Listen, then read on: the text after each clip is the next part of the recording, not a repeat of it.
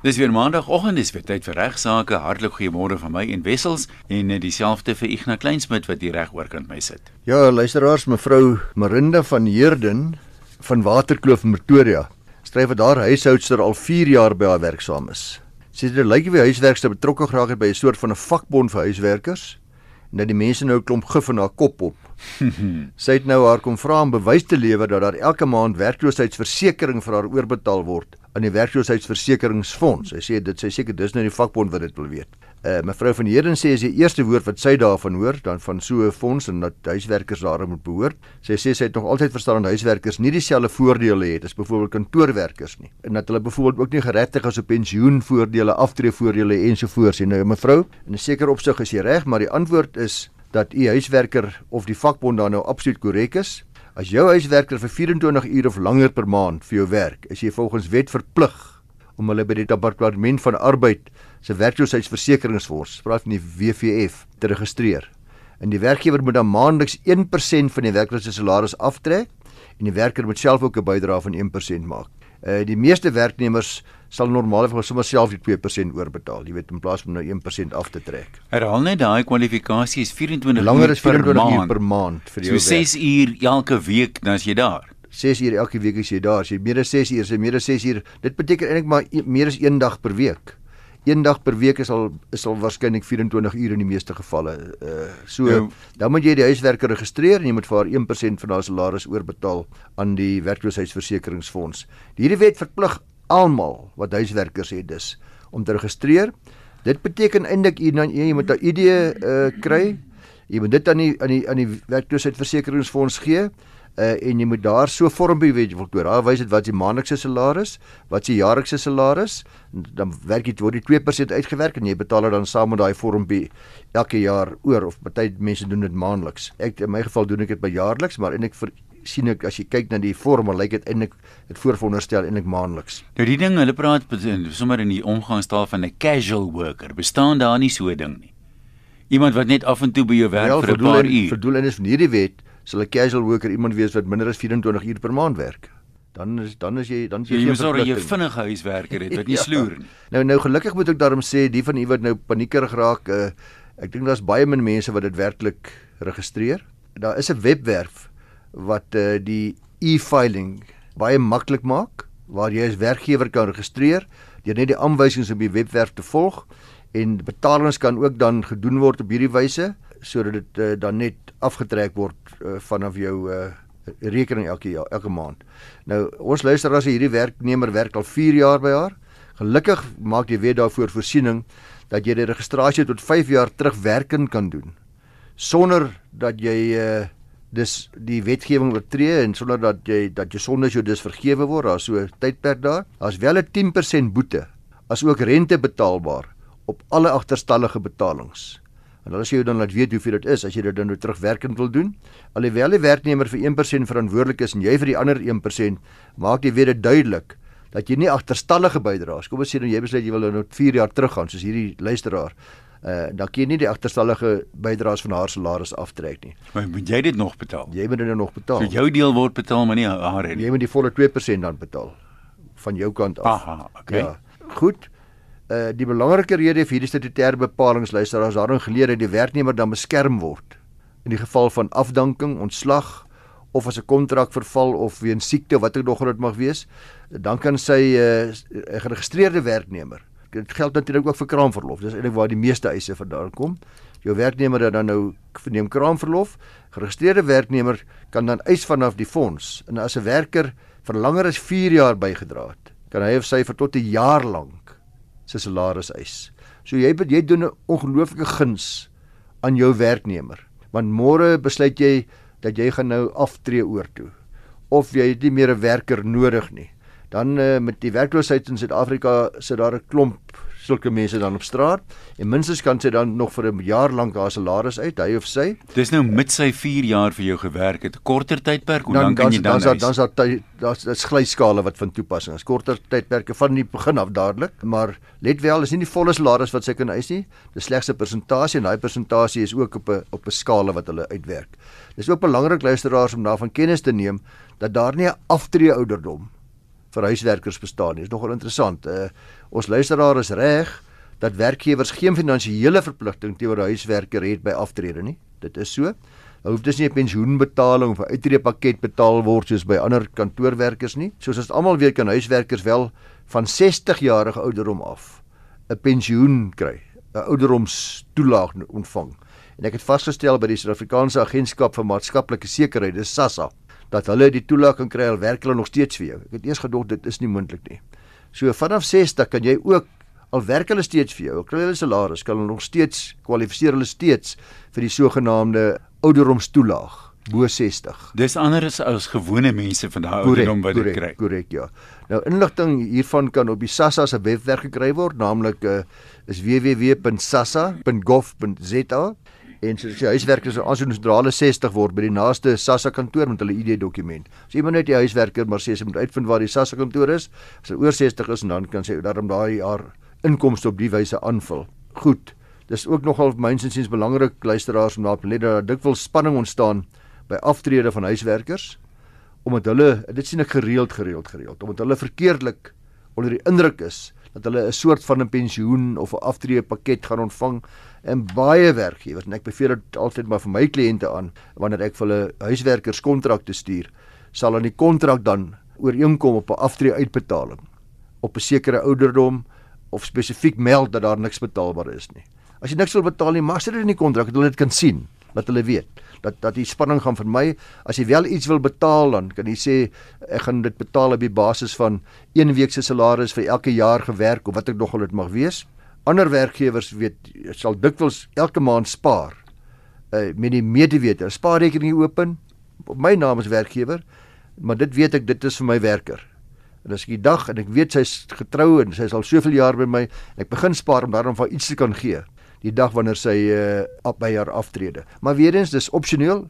Alles wat ek nou sê wat die wetgewing betref, wat die reg betref, geen verpligting hoegenaamd. Hulle kan maar maak wat hulle lus is, geen verpligting wat enige pensioen of aftrede pakket uh behels nie. Wat ek al gehoor het wat dikwels prakties gebeur, jy koop aan die tyd op die naam van die huiswerker op die oop en spaarrekening wat as hulle weet daarvan mense is mos nie 'n ding wat graag wag nie dan hoor jy dikwels van ek gaan nou bedank want ek soek daai geld jy weet as dit sodra dit 1000 ja, ja, ja, of 2 ja, ja. is dan raak mense nie meer so fliks nie dan wil hulle liewer die geld hê en van voor af elders begin ongelukkig waar maar dis nou maar dis nou maar die mensdom ja is so ja Ian, ek het 'n skrywe ontvang via Margaret Tennis hierso by RSG het vir ons aangestuur. Dit kom van uh, Rina Engelbreg of sy sê die die boedelbespreking tydens die testamenteweek mis gemis. Sy kry dit nie op die pot gooi nie. Ek het gehoor as gepraat oor die betaling van eksekuteursfooie. Sy wil graag weet wanneer dit betaal moet word. Sy sê my man se eksekuteur weier tans na byna 2 jaar om my huis of my motors of enige eiendom op my naam te registreer alvorens alles betaal is. Sê nie wat alles beteken sê alles betaal is. Sy sê daar is soveel foute op die rekening. Byvoorbeeld, hy sê daar word belasting gehef nadat my man reeds oorlede was. Ek weet nie ek loop met 'n muur vas. Hy weier om verder te praat voor ek nie die die die kontant betaal het nie. Nou sê sy as hulle in 2 jaar dus gedoen het nie, wat gaan hulle doen as hulle wel betaal? Dan vra sy ek wil graag besonderhede van hierdie persoon kry wat in die program gepraat het. Dit was jy nie? Nee, dit was Volker gewees ook. Was Volker nie? Ek dink dit was Volker daai daai program. Ek is nie seker nie. Maar ek het in elk geval dit vir Volker aangestuur. Hy is ons spesialis, Volker Kreer. En hy sê normaalweg behoort die beredering van 'n boedel nie 2 jaar te neem nie, maar daar's ongelukkige klomp faktore uh buite eksekuteurskontrole wat tot 'n vertraging kan lei. Dit gebeur dikwels sê hy uh, dat 'n boedel langer vat om te bereder omdat die eksekuteur ook nie sy werk doen nie. En dankie die luisteraar, klagte by die meester van die Hooggeregshof lê, as hy oortuig daarvan is. Maar na aanvangs van die klagte sal die meester dan 'n proses volg om nou uit te vind uh of hy die eksekuteur moet onthef van sy verpligting en of daar regte goeie redes is. En natuurlik sal hy vir die eksekuteur ook 'n geleentheid gee om sy saak te stel. Dis ook 'n proses wat 'n rukkie vat. Verder sal daar ook 'n ander eksekuteur aangestel moet word uh, nadat die huidige een nou deur die meester afgedank is as hy, hy so sou besluit en ook hierdie proses vat weer 'n tyd is weer verdere vertraging. So hy sê dit mag wees uh, dat dit tog maar beter is vir die luisteraar om met die huidige eksekuteur te werk maar net by wyse van gereelde navraag te sorg dat die proses so gou as moontlik afhandel word. Dan sê hy die epos lyk af dat daar 'n kontanttekort in die boedel is. Hy praat van betalings. Nou dit gebeur baie dikwels in boedels. Ek sê alleen erfgenaam. Ek erf die huis en die voertuig en die meubels en alles, maar daar's 'n uitstaande oortrokke fasiliteit. die eksekuteursfooi van 3,5% moet betaal word. Daar's uh, 'n skuldeiser. Normaalweg in 'n solvente boedel betaal niemand die eksekuteursfooi nie, word net afgetrek van die kostes. Van die van die kostes. In ander woorde, daar's 'n klomp kostes en nou dis wat sy sê. Hy sê ek gaan nie die huis kry aan my oordra. Hy gaan nie die karre vir my gee nie. Hy gaan nie meule vir my gee voor ek nie alles betaal het. Hierdie alles betaal is natuurlik daardie kontant tekort wat in die boedel is. Die enigste manier wat die meester dit kan verhaal is om bates te verkoop. En dis waarskynlik presies wat hierdie gaan. Sy sê mevrou, as jy net die as jy nie vir my hierdie bedrag betaal, die 3,5% op die totale boedel sê nou maar 10000 of 20000 rand want die huis is 'n miljoen rand werd. Uh dis al klaar dan 35000 rand en dit is soveel werd en dat is soveel werd. As jy dit nie betaal nie, moet ek dit verkoop. Hy's geregtig om dan te sê ek gaan bates verkoop.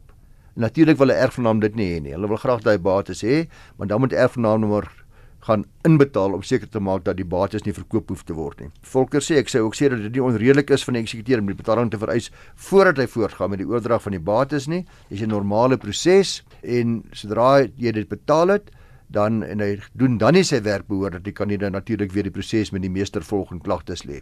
Die slotte skryf die luisteraar ook van die belasting wat in die boedelrekening aangedui word vir die tyd dat na die oorledene se afsterwe nou weer eens in hierdie verband wys volker uit dat elke bestorwe boedel inderdaad vir belasting geregistreer moet word ten opsigte van inkomste wat verkry word na die afsterwe. Of dit nou rente is op die bankrekening of dit nou huurgeld is vir 'n eiendom daar word weer daarop belasting gehef. Jy moet registreer as belasting. So weer eens is hierdie eksekuteur 100% reg as hy sê dat hy moes geregistreer het vir belasting, dis sy plig om dit te doen en hy moet ook dan 'n klein bietjie belasting betaal, gewone belasting betaal op alle inkomste na afsterwe tot by die afhandeling van die boedel. So wat volker mee afsluit hier, dit sê op grond van die luisteraar se e-pos, is dit moeilik om foute vind met die eksekuteur se optrede. Die enigste moontlike geldige kritiek sou die lang tyd wees, alreeds 2 jaar wat die berederingsproses geneem het, maar ook in die opsig, die eksekuteur dalk 'n goeie verduideliking. So wat ons vir die luisteraar sê mevrou Uh, ons verstaan die frustrasies, maar die beste is om maar mooi met die eksekuteur te gaan sit en sê verduidelik vir my presies wat jy wil hê en hoekom jy dit wil hê en dan maar 'n uh, samewerking te gee. Eener kan onvaar word dat wanneer ouers hulle kinders by die skool aflaai, die skool sal sorg dat ons kinders veilig is. En ek het 'n hele paar hofsaake daaroor gehanteer. Daar's nou weer 'n nuwe ene. Want kinders is die meeste van die tyd onder toesig van 'n volwassene by die skool. Dit is maar so, dissipline word toegepas, skoolreëls is daar. Maar ongeag alles gebeur daar ongelukke soms en onderwysers kan natuurlik nie altyd die skade voorsien of voorkom nie. Maar in die saak van Gora versus Kingswood College, 'n baie onlangse saak aan die einde van 2019, moes die hof beslis of dit nalatig is vir onderwysers om kinders sonder toesig te laat op skoolgronde. Daar was 'n paar sake wat ook hieraan geraak het. Nou onthou grove nalatigheid soos vereis deur 'n vrywaringssosiale het ook hier ter sprake gekom. En die eister meneer Gora was 'n 15-jarige leerling by Kingswood College, 'n privaat skool. 'n Toe insident in die klaskamer gebeur het wat hom met ernstige beserings, uh, oogbesering gelaat het. Tydens die voorval was hy en sy klasmaats vir 1 uur sonder toesig in 'n klas. Hulle onderwyser kon nie die klas bywoon nie en uh, weens 'n wankommunikasies na haar in die skool was daar ook nie 'n ander onderwyser in die klas om 'n bietjie toesig te hou en vir haar in te staan nie. En tydens hierdie periode het Gora een van sy klasmaats moer uitgelok en Moor het gereageer deur vir Gordon met 'n vuis te slaan dit sy bril gebreek, ernstige oogbesering veroorsaak. Hy is toe nou al meerderjarig geword. Hy was toe 15 in baie stadium toe dit gebeur het. Hy het nou dagvaar in die skool verskade. Onthou 'n uh, uh, eis vir skadevergoeding te loop net vir van die meerderjarige verjaar nie. Dit begin eers weer loop van die datum wat hy meerderjarig word, dan hy weer 3 jaar tyd om hy eis in te stel. Hy het beweer dat die skool nalatig was omdat hulle nie gesorg het dat dat die leerders onder toesig was nie. Die skool se verweer was daarop gebaseer dat uh, toe Gora aanvaar is as leerder in hierdie privaat skool, het, het sy ouers 'n kontrak geteken wat onder andere 'n vrywaringsklausule bevat het. Nou hierdie klausule het die skool gevrywaar teen enige skade-eise, behalwe in die geval waar die skool grof nalatig was. Die skool self het getuig dat leerders se optrede altyd streng gereguleer word by die skool, dat daar nooit gevalle van geweld is nie. Ten spyte daarvan dat leerders gereeld op die skoolgrond sonder toesig is, is daar ook nie voorvalle by hulle skool nie. Uh die skool het wel aanvaar dat hulle die rol van 'n ouer moet vertolk tydens skoolure, dat hulle sekere pligte het.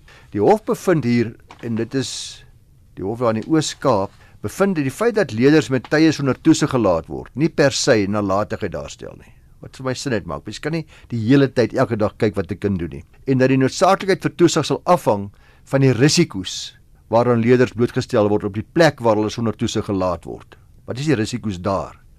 Nalatigheid word bepaal sê die hof aan die hand van die volgende toets. Ons gaan dit maar weer vir herhaal want dit is so belangrik om dit te verstaan. Of 'n redelike persoon in die skoene van die verweerder, in hierdie geval die skool, die redelike moontlikheid sou voorsien het dat 'n handeling skade aan iemand anders gaan veroorsaak en of hy of sy redelike stappe sou geneem het om daardie skade te vermy. Indien die verweerder dan nie die stappe geneem het nie, dan word hy of sy geag nalatig te wees. Het ek dit voorsien? As dien ja, het ek iets gedoen om dit te vermy? Indien nie, nalatig. In hierdie geval was daar niks in die klaskamer, sê die hof, wat die leerders in gevaar sou stel. Dis 'n gewone klaskamer, banke, sitplekke, swart bord. Verder meer, hierdie leerders was nie jong kinders onder die ouderdom van 10, was nie uh, graad 1tjies of uh, graad 2tjies nie. Dit was 15-jarige leerders van wie daar verwag sou word om volwasse en verantwoordelik op te tree in 'n klaskamer. Onderwysers of skool kan verwag dat sulke kinders verantwoordelikheid in die dag moet lê. Uh dis natuurlik uh, ook argumenteerbaar. Dis het die hof bevind dat die skool nie die moontlikheid van skade sou voorsien nie, dat hulle dus nie nalatig was in hierdie spesifieke omstandighede. Die hof het verder gegaan. Bepaal selfs al was die skool nalatig, is daar 'n vrywaring sosiale wat hulle beskerm teen die nalatige optrede van die skool se personeel teen grove nalatigheid. En hulle sê die eisers sou dus grove nalatigheid aan die kant van die skool moes bewys om die gevolge van hierdie klousule te ontkom.